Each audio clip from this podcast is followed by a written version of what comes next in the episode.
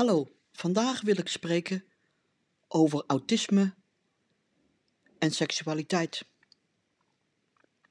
Over het algemeen wordt er in de media nog steeds heel raar gesproken over autisme, alsof mensen met autisme niet kunnen voelen, niet sociaal zijn, niet mee kunnen in de maatschappij en dergelijke rare gedachten over autisme. Ook over autisme en relaties wordt nogal vreemd gedaan. Alsof mensen met autisme geen relatie kunnen hebben, niks voelen, niks ervaren en ook niks met seksualiteit kunnen. Dit is natuurlijk een dwaze gedachte, die overigens door ook veel professionals uh, zo nog steeds in de media worden gebracht. Laatst werkte ik mee aan een site over autisme. En bekeken wij allerlei sites van zorgverleners en aanverwante organisaties. Daar kwam ik hele rare dingen tegen. Nu is het ook zo dat ik autisme heb. Maar dat wil niet zeggen dat ik opgesloten zit in een hokje.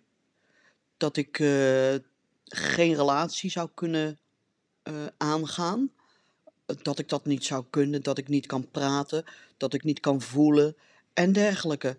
Maar het is natuurlijk een volledig verkeerd beeld van autisme. Autisme is een spectrum, net zoals geaardheid een spectrum is. Ik ben lesbisch. Dat heb ik al eerder gezegd in een eerdere podcast. Ik wil deze misverstanden uit de wereld helpen.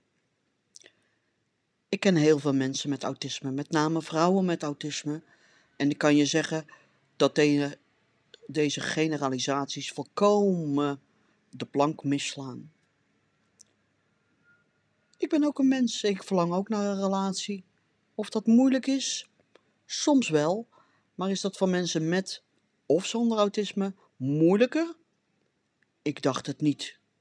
Ook ik heb gevoel, ook ik heb seksualiteit ook ik, ook heb verlangens. Net zoals andere mensen.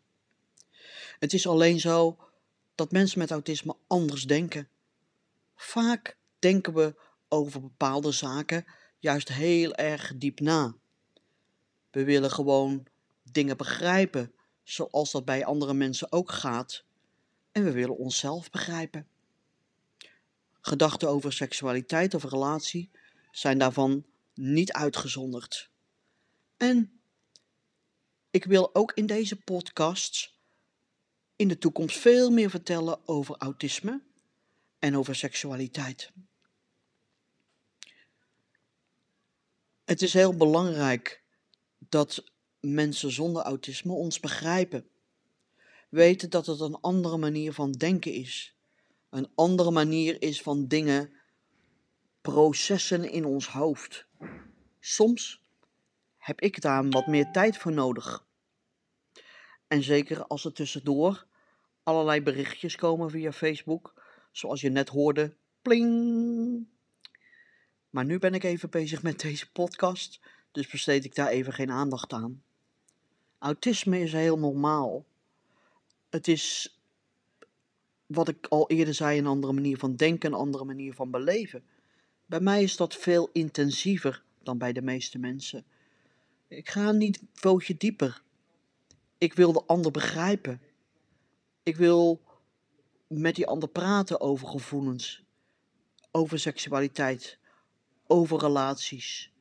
En dat is helemaal niet verkeerd. Het is juist heel goed, vind ik. Want ik vind dat er over het algemeen te veel niet gesproken wordt over relaties, over seks en dergelijke in relaties. En daarom vind ik het belangrijk hier aandacht aan te besteden. Autisme is niet gek. Autisme is niet raar. Vele mensen die ik ken met autisme hebben juist, net als ik, een hoog IQ en zijn vaak diepgaand